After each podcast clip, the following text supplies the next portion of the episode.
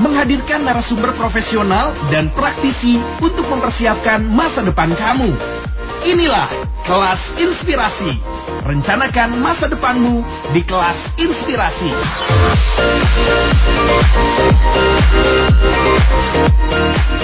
RRI Bogor, Radio Tangga Bencana COVID-19. Assalamualaikum warahmatullahi wabarakatuh. Selamat pagi sahabat RRI, apa kabar? Nah, mudah-mudahan sehat-sehat selalu ya. Ketemu lagi dengan Deli Tambunan di kelas inspirasi untuk edisi kali ini. Untuk edisi hari, hari apa sekarang? Kamis ya. Hari Kamis tanggal 4 Juni 2020 ya.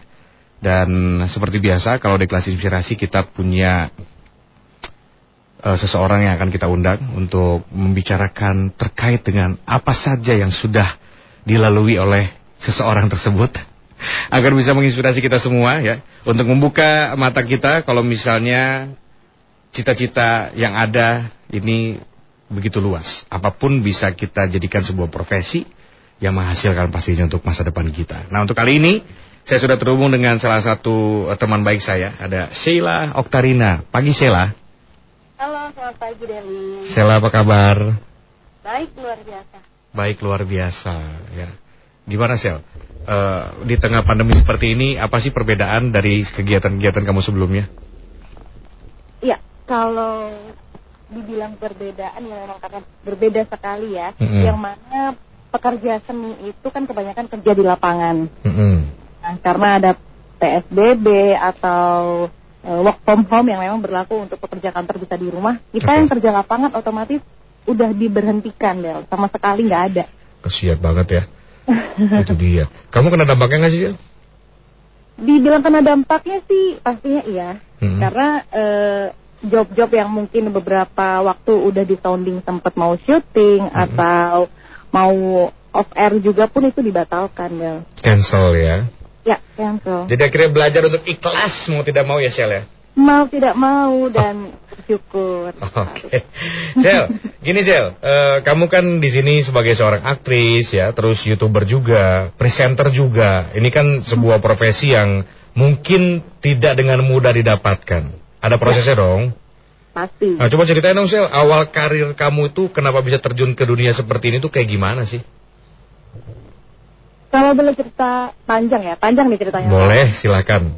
Kalau mau cerita panjang saya mau bobok dulu. Oh, Jangan, oh, nggak bercanda. Sok, sok, enggak. Gimana ceritanya Sel? eh, karena dari awal tuh berawal dari hobi semuanya Oke. ya. Mhm. Hobi aku dari kecil itu emang nari, nyanyi, kemudian eh, suka ngomong sendiri di depan cermin Del. Serius? Iya. Itu tapi kamu kamu nggak dibawa berobat ya ngomong sendiri begitu ya? Oh enggak. Oh, enggak. Jadi kayak eh, suatu hari ini aku ingat banget aku nonton film India begitu. Oke. Terus kemudian aku inget eh, aktingnya si aktrisnya kan. Kemudian Hmm. aku praktekin dengan eh, nyanyi. Kalau nggak salah itu kucu kucu hotahe dulu waktu aku SD.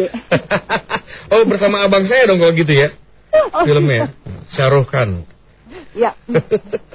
nah, Oke. kemudian eh, aku sering banget nari, terus kemudian ngomong di depan cermin, dan itu didukung juga sama orang tua ngelihat kalau memang bakat kamu di seni, suka seni. Ya udah, Oke. dari SD, SMP, SMA suka banget eh, ikut kegiatan ekstrakurikuler ya yang berhubungan dengan seni, Mm-mm. sampai akhirnya kuliah pun udah nggak pandang kanan kiri, udah pengen ngejar seni aja gitu. Terus Oke. Eh, sempat ada pilihan sih waktu itu mau kuliahnya di mana Mm-mm. di kesenian kan banyak ya kampus seni Mm-mm. tapi lebih memilih di Jakarta karena memang larinya pengen udah saya di layar kaca itu. Mm-mm. Terus terus? Mm-mm. ya akhirnya udah ketika kuliah di Jakarta itu juga memurai dari awal ya karena waktu kuliah di Jakarta itu kampusnya bukan nggak ada kampus keartisan itu nggak ada Nggak ada ya. nggak ada eh, kampus kesenian dan diarahkan menjadi seorang seniman. Mm-mm. Eh, which is aku ngambil seni pertunjukan, seni teater yang mendekati sama seni peran. Dan di situ sempat sempat berubah pola pikirku Del. Mm, Terus terus? Di mana di mana ketika aku pengen menjadi artis itu berbeda dengan seniman ya. Mm-mm. Dan yang aku nikmati di dunia teater itu adalah prosesnya. Kemudian Oke. ilmu kehidupannya Mm-mm. yang mana nggak nggak ditemuin di apa ya di lain-lain gitu misalnya kayak aku ngobrol sama temanku di kampus lain seperti apa sih kita tuh anak seni lebih identik dengan kebaperan ya sensitif karena kita Eh, kita tunggu dulu. Bapernya baper kayak gimana dulu nih? Iya maksudnya bukan baper ini ya cinta-cintaan ya, tapi Hmm. hadapi eh, kehidupan ini loh lebih sensitif, lebih peka seperti itu. Oke. Dan eh, nikmatnya nih Mm-mm.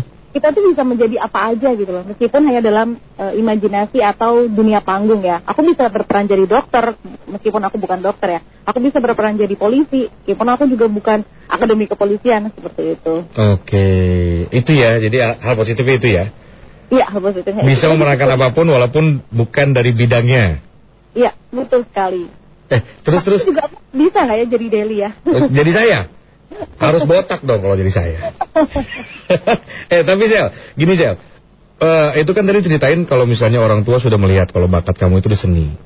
ya, Langsung mendapatkan dukungan penuh atau ada pro dan kontra dulu awalnya dengan keluarga? sebenarnya sih eh, dukungan penuh itu ada ya dari pihak orang tua, tapi dari pihak eh, kakek nenek waktu itu sempat eh, menentang, menentangnya dalam artian kamu dalam seni itu nggak bisa jadi apa-apa gitu kan. Lebih baik Oke. ya udah jadi yang pasti-pasti aja, guru, dokter seperti itu. Mm-mm. Cuman eh, kalau dari orang tua, mamaku sendiri memang sudah punya bakat ya yang memang dulu nggak tersalurkan. Dia memendam bakat seninya dan dia Hmm. melihat bakatnya itu di aku anaknya sehingga dia ya ya udah kamu jadilah apa yang kamu mau gitu. Tapi harus maksimal gitu. Jadi jangan setengah-setengah kalau misalnya mau terjun di dunia entertain ya jangan setengah-setengah terjun aja sekalian nyemplung basah sekalian seperti itu. Hmm, itu ya. Karena orang tua juga eh, punya bakat seni, akhirnya orang tua mendukung sepenuhnya. Mhm. Kalau misalnya awal yang pertama kali kamu gelutin itu sudah dalam eh, dunia film atau bidang seni yang lain dulu? Teater kok nggak salah ya awalnya atau gimana? di teater teater itu ini ini ini luar biasanya nih ya ketika aku cuma melihat acting di layar kaca dan aku membandingkannya dengan acting di panggung itu jelas 180 derajat berbeda dia Apanya, Karena- apanya yang beda, Sel? iya beda gitu karena media kita ketika di panggung itu kan luas dan lebar itu Hmm. di mana kita suara lantang gerakan harus lebar bisa dibilang over ya Oke. sedangkan pas berpindah ke layar kaca itu tuh bener-bener semua diminimalisir gerakan harus kecil-kecil Hmm. ekspresi juga nggak bisa berkerut-kerut banget gitu karena media kita kan kamera nih kecil layar kaca berbeda dengan teater yang lebar luas yang penontonnya dari jauh begitu kan Oke. Heeh. Itu dia ya. Jadi memang ada perbedaan signifikan ya walaupun di bidang eh, acting juga Ya. di seni peran lah maksudnya seperti itu ya, tapi perbedaan itu eh, signifikan ya Sel ya. betul sekali dan juga e, berbicara masalah proses ketika kita mau pentas teater di atas panggung itu membutuhkan waktu 3 sampai 6 bulan Oke, untuk latihannya doang. untuk latihannya doang kita observasi dan uh, pakai metode menjadi. Jadi misalnya peranku di situ Esmeralda gitu. Jadi Stella harus menjadi Esmeralda. Seperti apa Esmeralda berjalan, seperti apa Esmeralda cara duduk, cara minum, cara makan, ya seperti itu dan Sampai sedetail Dan- itu ya, ternyata Oh, ya. sampai sedetail itu. Karena kita kan dilihat live ya kalau teater dan nggak bisa Nggak bisa diulang ya. Ulang. Mm-mm. Sel, eh, umur berapa saat itu akhirnya pertama kali menggeluti dunia teater? Umur 18 tahun. 18 tahun. Lagi belia-belianya dong, lagi remaja-remajanya. Itu gimana bagi waktu sedangkan kamu harus totalitas seperti itu untuk mendalami peran? Kan pasti pengen main juga, pengen pacaran juga gitu. Gimana bagi waktunya Sel? Nih mungkin ada yang pengen jadi seorang aktris juga kan, biar mereka tahu nih eh, cara membagi waktu yang bagus. Sebenarnya kalau kata orang zaman dulu ya kita nggak bisa dua-duanya menjalani sesuatu. Kita harus pilih Oke. satu karir atau cinta ya dong. Dan itu Hmm. memang eh, terbukti. Pe- pernah aku menjalani dua-duanya dan nggak fokus Bel. Yang fokus ya. Ya nggak fokus hingga akhirnya. hingga akhirnya ya sudah apa yang mau dikorbankan gitu. Karena di anak teater apalagi dunia entertain seni Hmm. peran gitu kan. Ketika kita bermain dengan lawan jenis ya kan lawan lawan main kita gitu. Hmm. Kita beradu dan pelukan atau mungkin misalnya ek ekstrimnya ya bisa ciuman ya Hmm. seperti itu. Nah itu kan kalau kita punya pasangan pasti cemburu lah atau menentang ya kan posesif. Jadi lebih baik tidak daripada menghalangi karir. mengalami karir. Tapi gini aja, eh, setelah orang tua mendukung, itu apa yang kamu janjikan ke mereka bahwa kamu akan mencapai kesuksesan dari bidang tersebut? Ada nggak sih? Tapi, eh, eh, pengen harapan seorang anak adalah ketika sukses kan bisa uh, membanggakan orang tua ya, Mm-mm. memberikan sesuatu apa yang belum bisa kita berikan meskipun nggak mampu juga kita membalasnya sebagai anak. Tapi ketika melihat anaknya berprestasi dan bahagia menjalani apa yang dipilihnya, itu udah menjadi su- suatu kebahagiaan tersendiri sih buat orang tua aku. Oke. Itu ya cukup seperti itu. Ini kan berarti oh, contoh kalau misalnya orang tuanya mendukung secara penuh. Tapi pasti kamu pernah dengar cerita juga dong dari teman-teman yang berprofesi sama bahwa orang tuanya mungkin tidak mendukung dan segala macam. Eh, apa yang kamu kasih ke mereka supaya mereka juga mau menggeluti ini secara totalitas? banyak sih kasus seperti itu Mm-mm. dari teman-teman kampus sendiri dulu yang ketika orang tuanya memang menentang dia akhirnya terkena seleksi alam yaitu dia keluar dari kampus kan Mhm. akhirnya bantu setir ke kampus lain seperti itu Hmm. cuman waktu itu sempat terjadi obrolan diskusi. Karena kalau teater kita kan kerja kolektif sudah kayak keluarga ya. Hmm. jadi sering sharing. Kemudian eh, kembali ke pilihan. Apakah dia mampu meyakinkan orang tuanya Hmm. dengan pilihan yang dia ambil itu bisa membawa dampak baik untuk hidupnya atau tidak? Atau malah amburadul ya dengan pilihannya gitu. Itu semua kembali ke pilihan dan akhirnya kita bisa membuktikan ke orang tua. Hmm. tapi sekali lagi se- sekuat apa sih eh, keinginan kamu untuk mencapai jalur ini kalau misalnya tadi setengah-setengah ya nggak akan jadi apa-apa mendingan banting setir aja tapi kalau udah full totalitas meyakinkan orang tua dan akhirnya memberikan bukti ya orang tua mana sih yang nggak seneng melihat hasil karya anaknya seperti itu Hmm. Itu ya, yang penting terus berusaha dan kasih buktinya ya. Hmm. betul Sel, eh, pasti dong pernah mengalami hal-hal yang pahit dan pedas dalam menjalani karir ini. pahit dan pedas. Kalau bakso pedas enak ya Sel ya? Kira-kira kira-kira apa Sel yang sampai sekarang masih masih masih keinget bahwa saat itu tuh kayaknya aduh itu kalau mikirin itu tuh pahit banget deh gitu. Apa sih yang, yang sampai sekarang masih keinget? eh yang masih keinget ya. Jadi dulu tuh pernah eh, suatu hari casting gitu Mm-mm. dan memang dalam setiap production house atau agency itu kan masing-masing yang menilai karakter orang. Ada yang memang melihat dari physically atau menilai dari memang bakat dan bisa dipoles atau memang ini udah skillful banget nih anaknya nih fisik bisa di make up lah seperti itu gitu. Mm-mm. Nah, tapi waktu itu eh, memang eh, aku dinilai kurang fisik karena kurang tinggi, nggak seperti model gitu dengan Oke. tinggi yang ma- wanita Indonesia pada umumnya lah ya. Mm-mm. Eh, akhirnya nggak dilolosin gitu dengan dengan bilangnya ya kamu kurang tinggi, kamu kurang putih seperti itu Mm-mm. dan dan yang ketika audisi, ketika casting, padahal ya sama aja gitu. Kita bisa presenting, kita bisa acting, kita bisa nyanyi, cuma karena perkara fisik doang seperti itu. Cuman saat itu sempat aku berpikir apa aku memang nggak cocok, ap- apa memang e, karena fisik ini membatasin aku gitu ya di dunia entertain yang mana sering kita lihat di iklan-iklan begitu kan, memang modelnya mungkin yang Indo, blasteran, yang bak model seperti itulah Mm-mm. sempat berpikir akhirnya apa aku memang banting setir dan itu memang aku jalani aku akhirnya banting setir Del Sampai sebegitunya. sampai sebegitunya karena Trauma Eh, ya berarti ya. Kecil ada kecil tra- hati gitu ya. hmm, hmm, hmm. Oke. Eh, itu akhirnya aku menjadi guru Eh serius pernah jadi guru juga? aku jadi guru Tunggu dulu guru guru untuk apa nih? guru untuk seni pertunjukan itu dari TK sampai SMA Waduh. Itu jadi muridnya seneng ya berarti kalau kamu ajarin ya? seneng banget Oke, akhirnya kamu banting setir jadi guru walaupun di bidang yang sama maksudnya mengajarkan seni peran ya. betul dan eh, di situ aku menilai bahwasanya ketika kita menjadi public figure itu nggak cuma di layar kaca tapi di Oke. depan anak-anak di depan anak didikku muridku pun mereka melihat aku sebagai public figure mereka mencontoh aku gimana aku menerangkan tentang seni peran tentang aktingku Mm-mm. yang dan itu pun bisa menjadi berkat untuk mereka gitu terlepas aku nggak harus jadi artis yang masuk entertainment atau seperti Mm-mm. apa dan namun di situ akhirnya menyadarkan aku bahwasanya uh, itu is not number one. Itu bukan nomor satu. Yang penting itu adalah inner dari mana, dari dalam kita, seberapa totalitas kita dan akhirnya uh, beberapa production house pun uh, calling aku lagi gitu ya. Setelah itu, justru Setelah setelah itu. jadi guru ya? Iya, setelah Oke. jadi guru. Jadi seakan-akan uh, selalu bentrok gitu dan sampai bingung jadwalnya seperti apa ngaturnya. Oh itu itu bukan bagian dari market tapi ya? Bukan. Kirain biar orang penasaran kan di oh, pura-pura nggak bisa nih, enggak ya? Tapi emang beneran sibuk ya saat itu ya?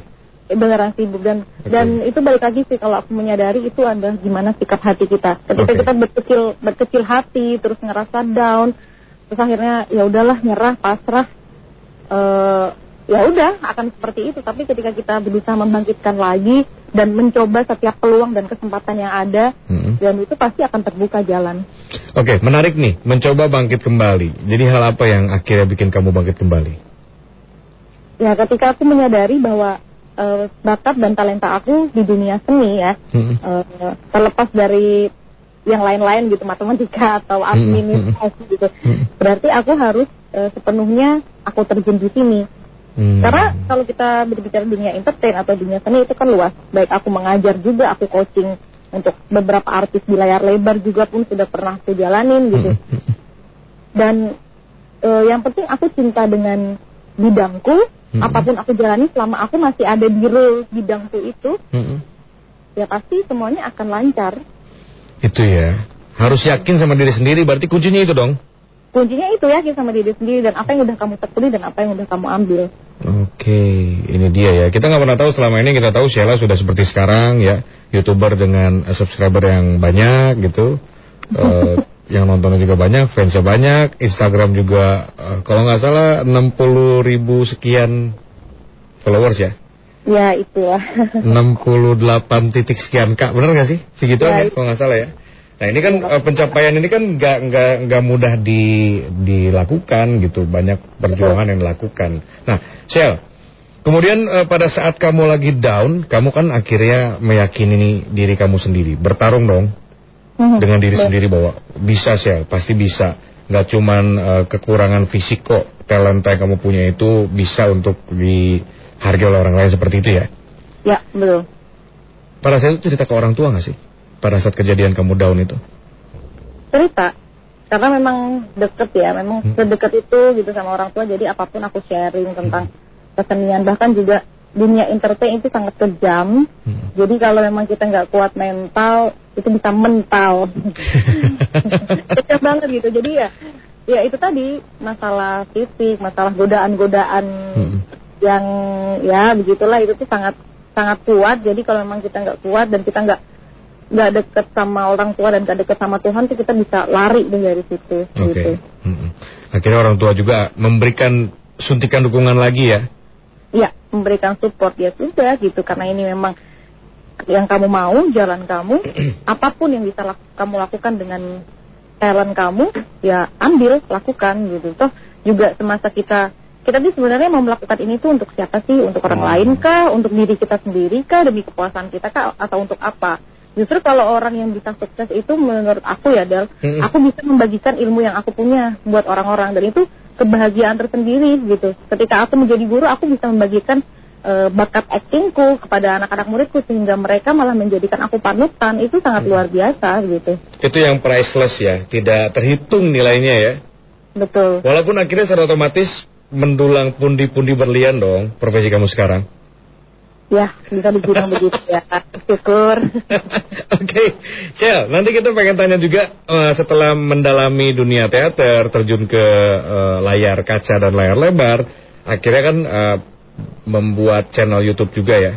Hmm, Kita pengen tahu bagaimana awalnya, terus konten yang kamu bikin seperti apa, tapi nanti dulu ya kita dengar lagu dulu. Sekalian saya juga mau ngingetin ke sahabat RRI ini, untuk yang mau bertanya ke Sheila, langsung aja bisa WhatsApp di 0811 111 4200. Silakan ditanyakannya apa nanti bakal kita bacain. Oke, Sel, abis ini kita bakal ngobrol lagi, Sel ya. oke siap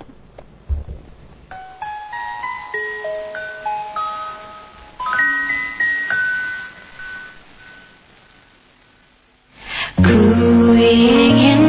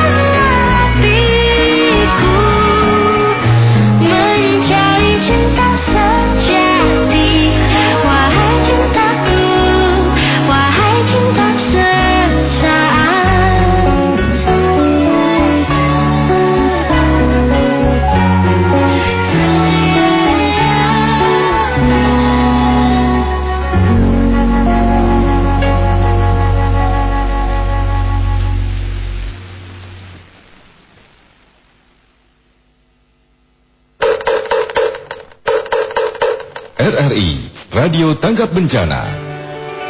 Jangan berhenti untuk berusaha cegah corona dengan cara lakukan physical distancing sehingga akan memutus penyebaran virus corona.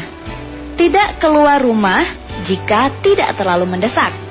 Jika harus keluar rumah, pakai pakaian lengan panjang, sarung tangan, masker, serta penutup kepala untuk menghindari menyebarnya virus corona. Cuci tangan setiap habis memegang sesuatu minimal 20 detik menggunakan sabun dan ganti pakaian sebelum menyentuh anggota keluarga.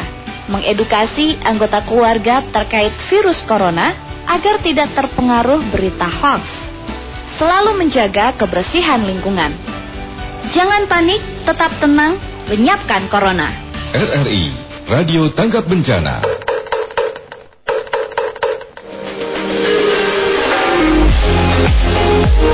Anda masih mendengarkan kelas inspirasi. Rencanakan masa depanmu di kelas inspirasi.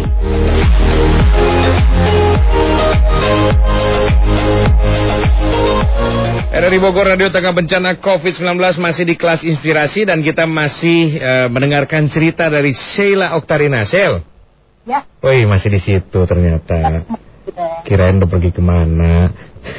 Sheila, menurut kamu nih dengan profesi yang sedang kamu geluti ya, yang akhirnya sekarang juga bisa menjadi profesi yang menjanjikan, ini seberapa pentingkah latihan, misalnya acting lah gitu, dalam keseharian. Misalnya, kamu punya standar gak sih sehari berapa kali gitu supaya bisa mendalami peran seperti yang kamu lakukan? Kalau dulu sih bisa setiap hari ya ada aku latihan. Bahkan eh, ketika yang tadi aku udah aku contohin ya misalnya aku mau berperan sebagai Esmeralda gitu. Mhm. Dan udah ngelihat nih eh, tokoh Esmeralda tuh yang jadi yang kita ambil jadi contoh siapa misalnya eh, Jennifer Lopez seperti itu kan. Mhm, Jadi mhm. kita amatin tuh melalui video Hmm. atau melalui dia eh, di Google gitu kita cari Mhm. seperti apa dia berlaku, seperti apa dia berjalan dan akhirnya itu kita ambil, kita praktekkan sehari-hari. Bahkan Oke. ketika mau pentas pun dengan kostum yang aku mainkan itu aku bisa pakai terus setiap hari. Biar Hmm. itu menjadi milik kita dan menyatu sama kita gitu. Harus begitu ya Sheila ternyata ya. Harus begitu. Mm-mm. Itulah kenapa aktor-aktor dan juga aktris-aktris itu eh, pada saat mau memerankan seseorang ya dia harus benar-benar plek-plekan dari mulai cara berpakaian berubah, model rambut berubah gitu ya. Ternyata itu bagian dari pendalaman peran. Betul sekali dan Wow. tantangannya adalah ketika kita memainkan sesuatu Hmm. eh, peran yang belum pernah kita alami. Oke. Gitu. Misalnya misalnya eh, contohlah kita memerankan seseorang eh, memang orang tokoh asli dari masa lalu gitu itu lebih berat juga berarti dong. berat. Jadi itu tantangan tersendiri ya, di mana kita harus mengorek informasi Hmm. eh, seperti apa sih orang yang mengalami seperti eh, hal seperti ini gitu. Jadi waktu itu pernah aku eh, memainkan sebuah tokoh seorang perempuan Hmm. eh, istri begitu umur Hmm. tig- eh, 28 tahun dan kemudian dia eh, stres karena dia kehilangan anaknya, anaknya meninggal Oke. kemudian dia sempat punya ilusi di mana setiap malam dia terdengar suara bayi anaknya menangis yang menghantui dia. Kemudian dia dalam setiap saat tuh bisa menjadi bipolar seperti itu dan itu pun aku eh, harus mencari tahu ya ngobrol dengan temenku yang jurusan psikologi Mm-mm. untuk mencari tahu kalau orang kejiwaannya tuh begini tuh gimana sih Hmm. terus bisa efek apa sih gitu dan harus menurunkan berat badanku Hmm.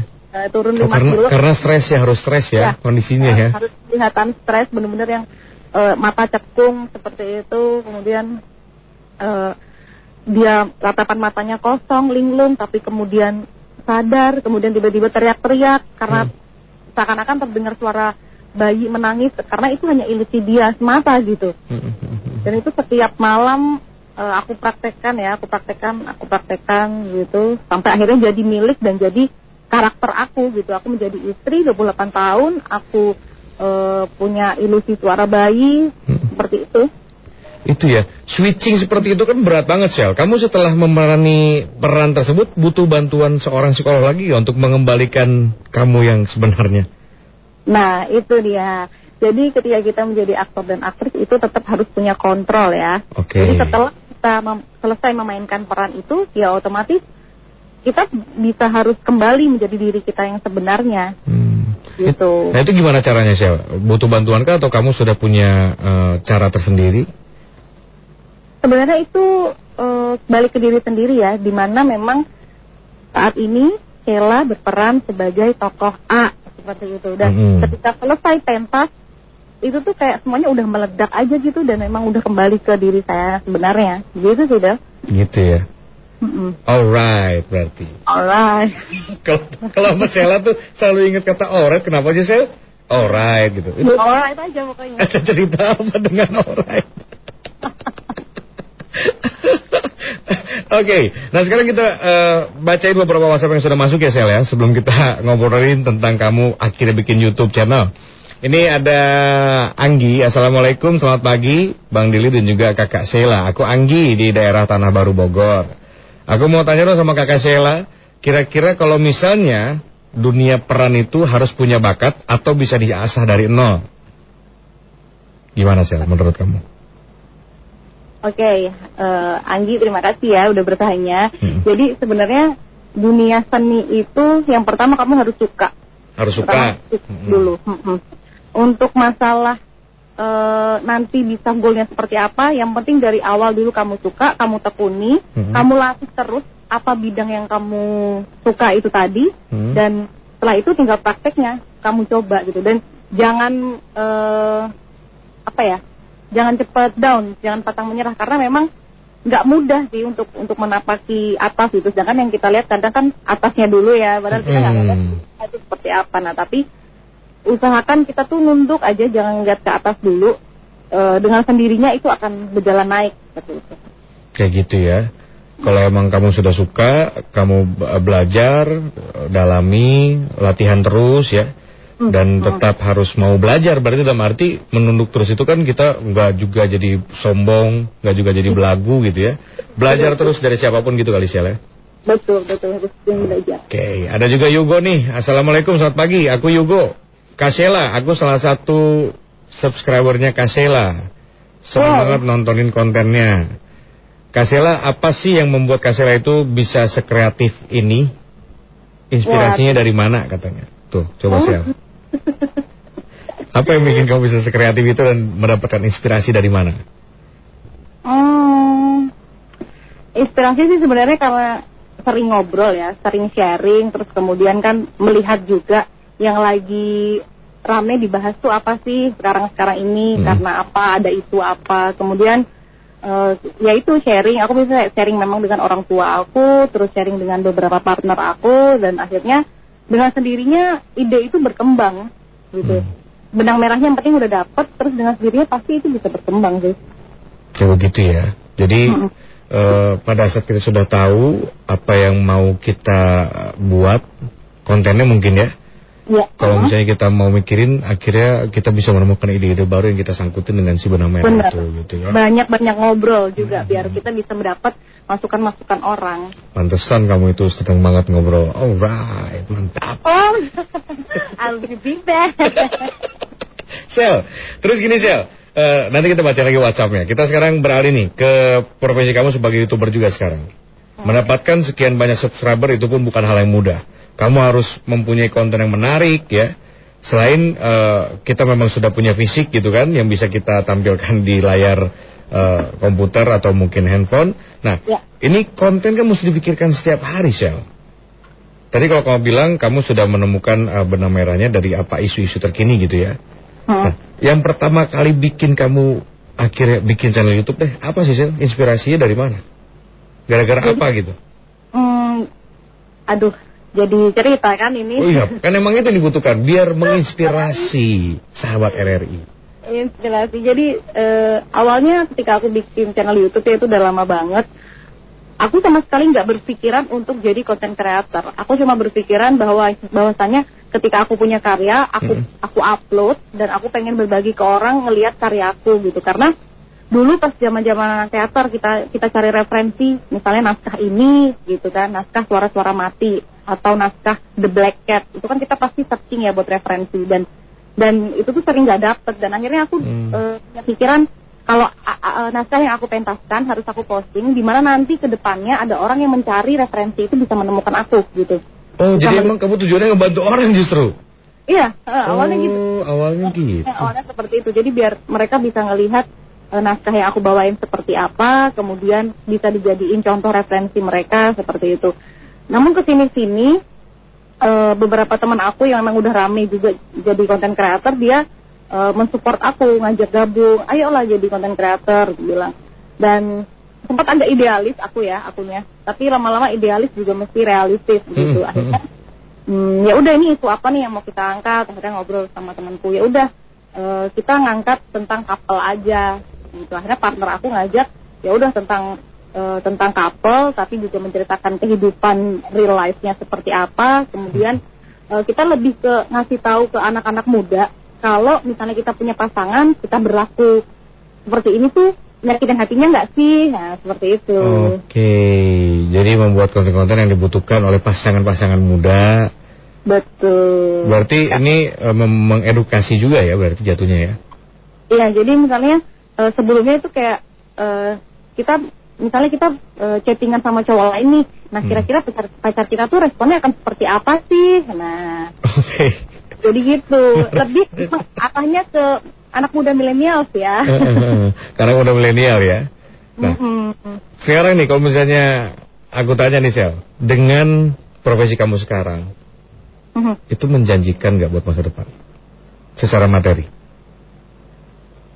Nah, kalau dibilang di dunia entertain menjanjikan banget itu antara iya dan tidak karena pasti ada pasang surutnya ya. Oke. tapi harus bisa punya eh, plan A, plan B, plan C seperti itu. Jangan ada, jangan hanya berpatok pada satu, eh, misalnya youtuber, youtuber aja, karena makin banyak juga munculnya youtuber, youtuber baru dan makin banyak orang kreatif kreatif lagi gitu eh, selain kita. Jadi mesti kita harus belajar lagi, nambah lagi dan cari peluang lagi apa yang bisa kita kerjakan. Misalnya selain jadi youtuber juga jadi presenter ya udah ambil gitu. Hmm, Jangan cuma berpatok pada satu aja.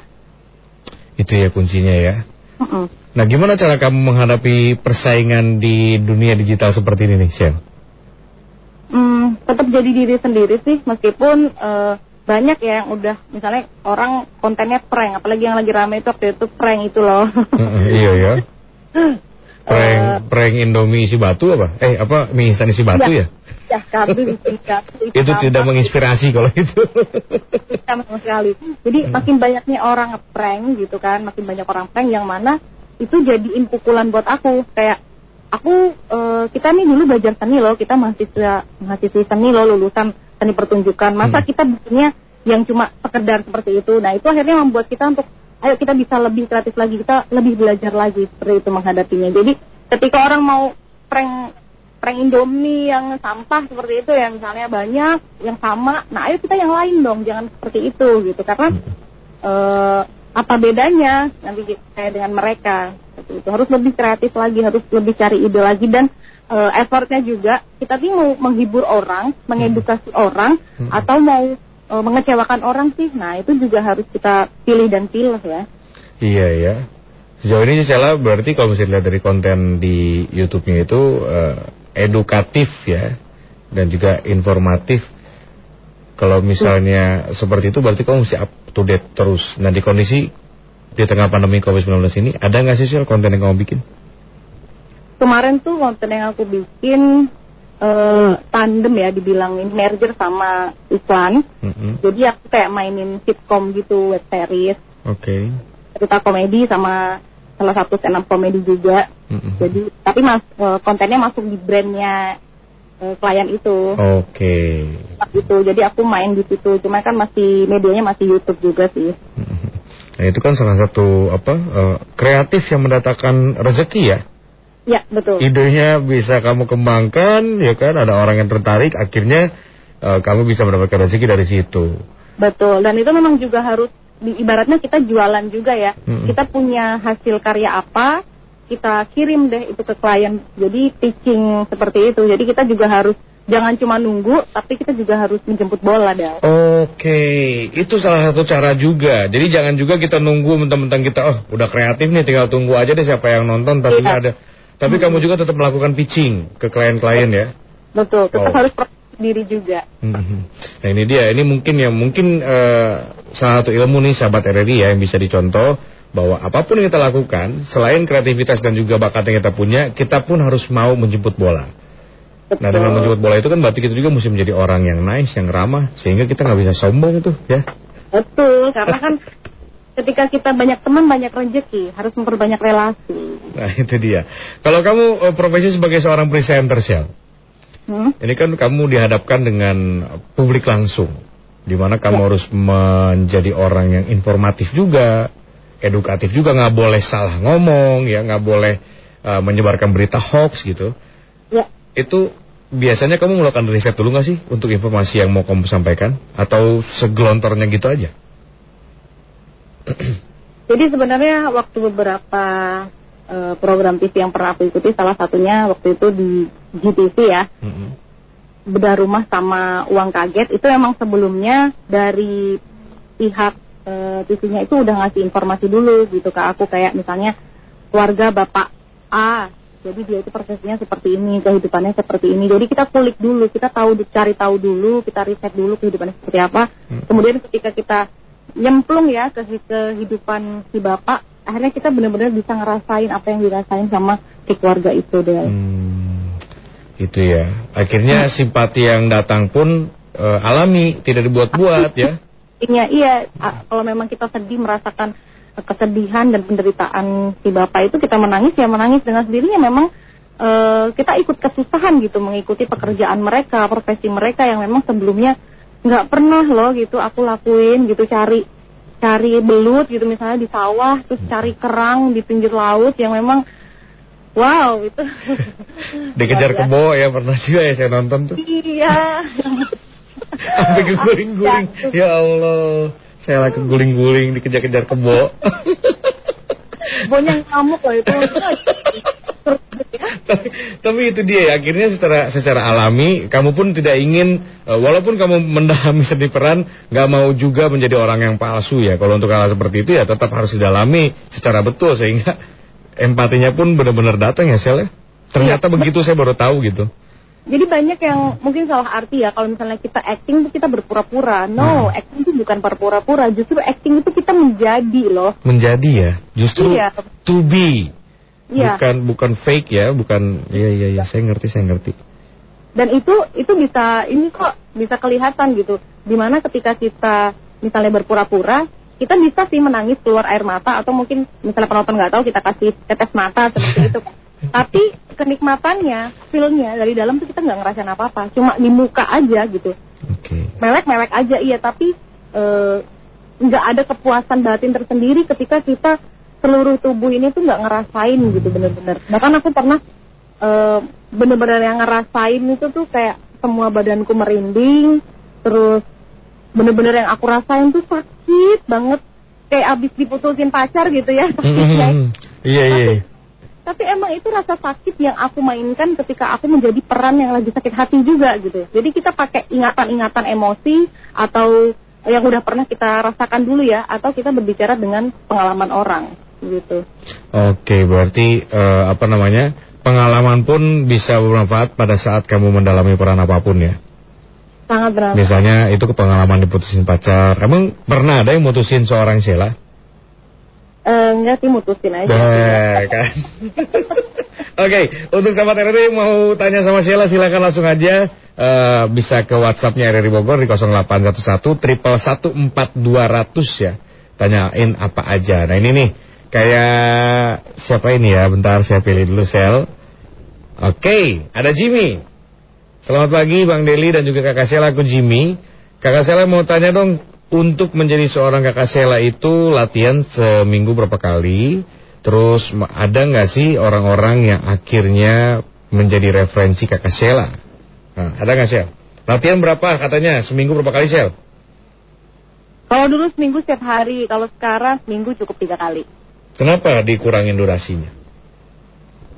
Karena eh, banyaknya pekerjaan gitu dalam setiap minggu itu ada aja pasti. Oh waktu ya, berarti kendalanya ya. Mm. Oke. Terus ada gak sih orang-orang yang meng- mer- menjadi referensi katanya? Reza Rahardian. Reza Rahadian, malah laki-laki yang jadi referensinya ya. Iya, ja- jadi referensinya itu bukan bukan bukan apa ya, bukan masalah gender sih, tapi lebih ke bagaimana dia mencoba untuk berakting dan mendalami peran. Karena dia itu sangat nge-twist banget loh Del, si Reza dan itu luar Hmm. biasanya ketika kehidupan pribadinya, kehidupan aslinya dengan dia di layar kaca bisa menjadi tokoh ABC itu sangat luar biasa dan itu yang dijadiin referensi. Kenapa Reza bisa eh, ketika dirinya eh, yang asli dengan ketika dia di layar kaca atau di layar lebar atau teater sekalipun dia bisa benar-benar berubah 100% menjadi tokoh itu gitu. Hmm. Dan itu yang- itunya yang- ya. Eh, itunya yang diambil bukan referensi tokoh. Kalau misalnya kita referensi perempuan ya taruhlah artis eh, perempuan siapa ya Dian Sastro seperti itu. Hmm. Eh, nanti kita pasti akan mencontoh dan apa yang dijadikan Dian Sastro actingnya dengan Vela actingnya itu kan pasti berbeda karena Hmm. orangnya aja berbeda gitu. Hmm. Jadi apa sih caranya mungkin kiat-kiatnya seperti apa sih Dian Sastro ketika mendalami peran nah itu yang bisa diambil gitu. Tapi aku lebih suka teknik trik and tipsnya sih Reza sih. Reza ya. Hmm. Untuk ke eh, apa namanya pendalaman peran ya. Ya. Dan Mm-mm. lainnya. Oke ada Bianca nih Shell. Selamat pagi kakak Sheila, aku Bianca. Ih Sheila doang ini siapa saya enggak. Jadi mau tanya katanya untuk mulai menjadi seorang aktris itu kira-kira harus apa? Harus apa Shell? Harus berusaha dan berdoa. Standar amat jawabannya. Jadi gini Bianca, ketika mau jadi aktris itu kamu harus tahu aktrisnya mau di mana, FTV kah, sinetron kah, atau layar lebar. Itu Kemudian- beda-beda ya ternyata ya? Itu berbeda-beda. Soalnya Oh. Kita bertemu dengan agensinya atau production house-nya juga itu juga berbeda Del. Hmm, saya pikir sama aja. Walaupun kadang-kadang saya menyadari sih kayak misalnya di sinetron itu ada adegan muka di zoom in zoom out, lama diem gitu sampai yang Iya. bergumam-gumam sendiri. Kalau di layar lebar kan jarang. Oh gitu ya. Terus terus terus. Beda gitu, itu berbeda. Nah, setelah itu eh, memang kita harus banyak cari informasi ya, cari Oke. informasi. Karena apa? Eh, semua bidang itu gitu ya, mereka kan punya agensi ya, punya Hmm. agensinya, terus ada manajemennya seperti itu. Kita mencoba untuk cari tahu agensinya, kemudian ikut, kemudian mulai deh audisi dan casting-casting gitu. Hmm. Meskipun sekali casting nggak langsung lolos ya, dari itu harus coba lagi, coba lagi, coba lagi. Coba lagi, coba lagi. Pokoknya jangan gampang nyerah lah intinya begitu ya, Sel. ya? Nyerah iya, dan juga jangan patah semangat untuk belajar sih, pasti memperbaiki diri jadi lebih baik lagi. Oke. Sel, dengan apa yang sudah kamu dapatkan sekarang, kamu merasa cukup nggak sih? Belum. Belum. Jadi kira-kira targetnya mau ngapain lagi nih Sel? Jadi aktris udah, dari mau teater, main film dan lain sebagainya. Jadi youtuber udah, udah, presenter juga udah. Ini terus apa lagi mau ngapain ya? Aku tuh sebenarnya pengen pengen punya panti asuhan dan panti jompo. Uh, ini nih. Pengen punya panti asuhan dan panti jompo. Mm-mm. Kira-kira sampai sekarang udah mulai eh, menyicilkan untuk eh, merealisasikan hal itu?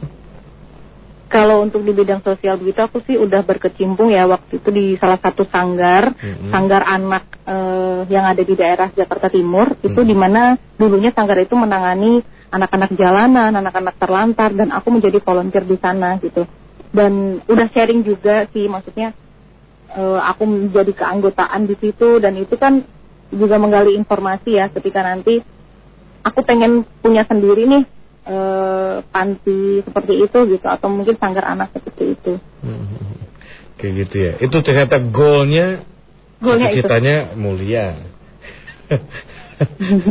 ini ini saya suka jadi minder sama orang yang baik kayak gitu Sel. Waduh. Karena enggak kadang-kadang kita nggak kepikiran loh ya. Iya. Pada saat kita lagi seneng-seneng masih banyak juga yang merasa kesusahan gitu. Kayak gitulah. Oke, Sel, eh, kalau misalnya kamu boleh eh, menceritakan sedikit lagi hal yang pernah bikin kamu betul-betul belajar dari kepahitan di masa-masa kamu mengejar karir kamu sekarang tuh ada lagi nggak sih Sel? Iya.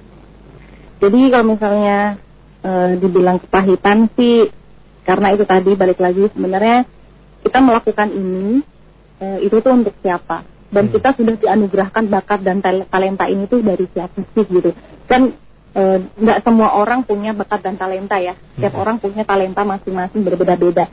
Dan pasti ketika kita diciptakan eh, dengan hidup kita eh, seperti ini, kita dianugerahkan talenta seperti ini, itu pasti yang maha kuasa punya maksud dan tujuan yang yang kita buat gitu. Jadi sekalipun saat itu aku ngerasa jatuh, aku ngerasa nggak sesuai ekspektasiku, aku belum mampu menjadi sesuatu yang aku harapkan, tapi yang harus aku yakini eh, Tuhan tuh baik banget. Tuhan tuh ngasih kita bakat ini tuh pasti ada something gitu. Nggak mungkin kita dikasih bakat ini tapi kita nggak dijadiin apa-apa sama dia gitu. Mhm. Ya udah, dengan begitunya kita tanamin itu dalam diri, kita pasti jadi sesuatu yang jelas di depan mata ada kesempatan dia lakukan dengan sepenuh hati.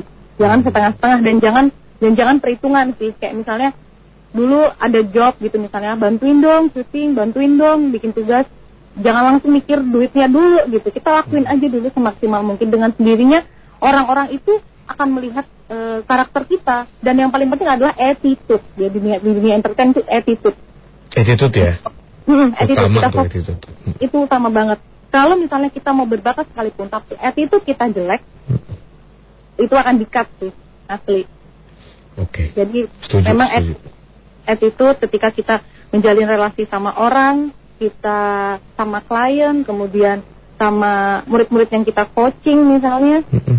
sama sutradara, sama astrada, sama kru sekecil apa pun, Mm-mm. PU yang cuma ngasih kita kopi setiap kita syuting itu harus kita hargain. Itu ya. Itu Iya. sih. Itu kayaknya mesti dijaga banget tuh karena kadang-kadang ada juga tuh beberapa yang mungkin karir lagi bagus, eh dianya suka jadi gimana gitu ya. Tapi jangan sampai lupa diri aja sih di mana kamu berasal gitu. Betul. Itu dia. Nah, ini dia ada Riri di Cimahpar. Assalamualaikum, selamat pagi. Hai Kak Sheila, kalau kita ada minat dan bakat ingin jadi artis itu harus gimana awal belajarnya? Tapi aku tuh masih sekolah di SMK sekarang ini. Makasih Kak. Gimana tuh Shel? Awal belajarnya? Dia Awal punya, belajarnya? Dia punya minat tuh. Kamu punya minat ya oke itu udah bagus. Yang penting udah ada minat, udah ada niat. Hmm. Awalnya mungkin kamu bisa ikut kelompok teater dulu sih. Itu yang mem- yang memang eh, skill awal tuh ketika eh, mau jadi aktris, mau belajar acting itu lebih ke mending teater dulu. Karena apa? Di situ kita bisa olah tubuh, olah vokal, olah suara, mengolah semuanya diri kita nih jadi eh, mempersiapkan untuk peran apa pun tuh di teater. Jadi ikut komunitas teater nih kalau ada di daerah mana tadi tempatnya deh? Cimahpar, Bogor. Cimapar ya di Bogor ya pasti ada lah ya Eh, komunitas teater seperti itu kamu ikut kegiatan-kegiatan seni misalnya yang ada di Bogor juga sering datang sering ngobrol pasti ada teman-teman seniman-seniman Bogor kan jadi lebih banyak ini sih cari tahu juga Hmm, itu ya. Minimal eh, kita punya setelah punya minat kita juga punya minat untuk mencari tahu dan belajar kepada siapa pun. Dan Hmm. untuk kelas-kelas teater sekarang ini kan udah bertebaran juga di mana-mana ya. Iya kelas-kelas acting juga kan banyak ya di mana-mana sekarang. Hmm, itu dia. Jadi Riri semoga terjawab pertanyaannya ya. Sel ini sebenarnya masih pengen ngobrol panjang lebar sama Sheila cuman waktunya sempit Sel. Nantilah kita undang langsung sini boleh ya Sel boleh siap dengan senang hati Waduh, enaknya sih kalau sama Sheila jangan cuman eh Sheila diajakin ngobrol biasa. Siaran bareng gimana kalau siaran bareng?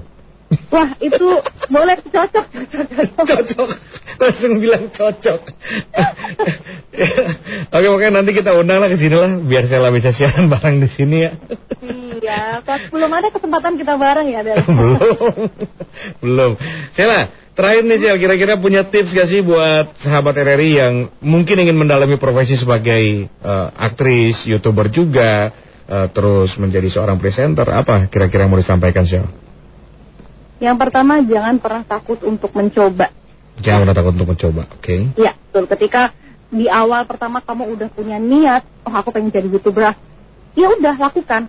Tinggal bikin akunnya aja gitu kan. Tinggal eh, pilih idenya. Yang paling mudah apa sih dari kesukaan kamu? Misalnya kamu suka, suka nge-game, ya udah dari game kamu, kamu kasih tahu, bikin konten tentang game. Hmm. Atau kamu suka nyanyi, ya udah bikin tentang lagu-lagu, kamu cover lagu seperti itu. Hmm. Atau mungkin kamu suka acting, ya udah kamu bikin aja sitcom acting dengan teman kamu atau dengan saudara kamu seperti itu. Yang penting jangan takut untuk mencoba dan jangan nanti-nanti lakukan aja langsung sekarang gitu. Jangan ditunda ya.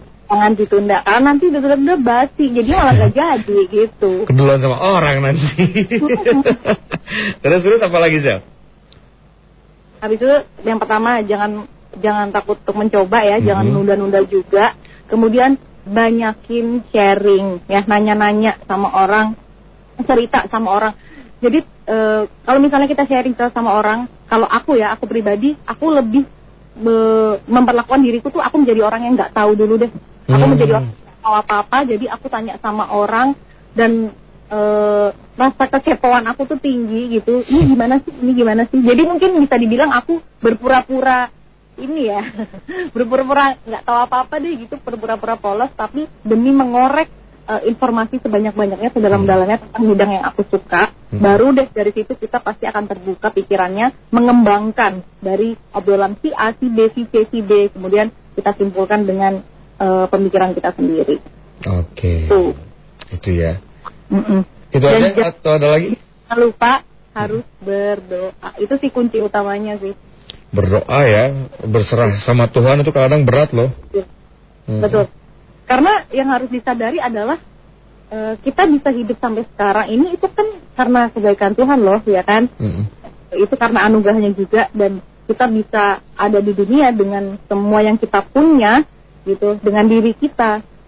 Itu semua juga karena kebaikan dan, dan rasa syukur itu yang harus eh, kita tumbuhkan ya, meskipun aku nggak tinggi 170 cm gitu, aku cuman 160 cm, kemudian aku nggak putih-putih banget kayak orang Korea atau apa, aku bersyukur karena masih ada nilai plus yang bisa aku eh, jual gitu dengan bakatku, dengan talentaku yang yang mungkin nggak semua orang juga punya Hmm. gitu, karena setiap orang kan punya eh, luar biasaan yang masing-masing ya sendiri-sendiri. Betul, setuju sih ya. Jadi intinya kita harus yakin sama diri sendiri. Buktinya tadi Sheila juga pada saat mungkin pernah merasakan jatuh eh, karena akhirnya percaya sama diri sendiri bisa bangkit Betul. dan bisa meraih apa yang sudah didapatkan sekarang itu ya. Ya, betul.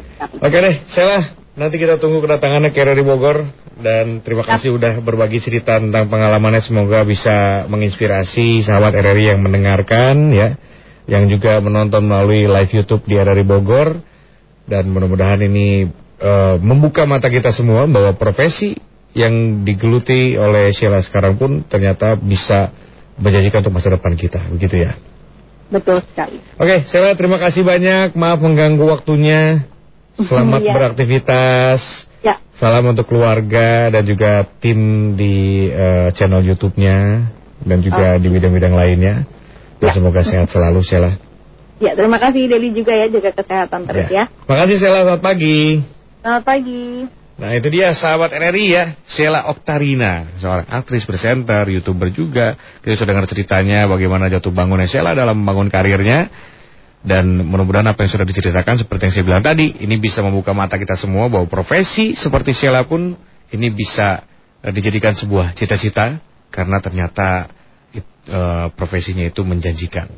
Waduh, tapi itu dia tadi jangan gampang menyerah, tetap jadi diri sendiri, jangan lupa untuk banyak juga sharing, ya tidak sombong kalau kata Sheila ya tetap menunduk ya, gali informasi sebanyak-banyaknya karena ya, referensi dari banyak orang itu kita butuhkan dalam profesi apa pun gak cuma profesi ini sih ya. Ya sudah, kalau begitu sahabat RRI eh, kita ketemu lagi di kelas inspirasi edisi berikutnya. Sekaligus eh, kita akan bergabung dengan RRI Pro 3 Jakarta untuk mengikuti warta berita dinamika olahraga dengan rekan kita dengan rekan-rekan kita yang lain di sana. Dan saya sih nanti bakal siaran lagi hari apa ya saya lupa. Sabtu nggak salah ya. Kita ketemu lagi hari Sabtu. Tapi jangan ke mana-mana karena rekan-rekan kami yang lain pun dari Bogor masih terus akan menemani sahabat RRI Deli Damunan pamit sahabat RRI sampai ketemu lagi selamat beraktivitas selamat siang. Demikian tadi kelas inspirasi. Rencanakan masa depan kamu di kelas inspirasi.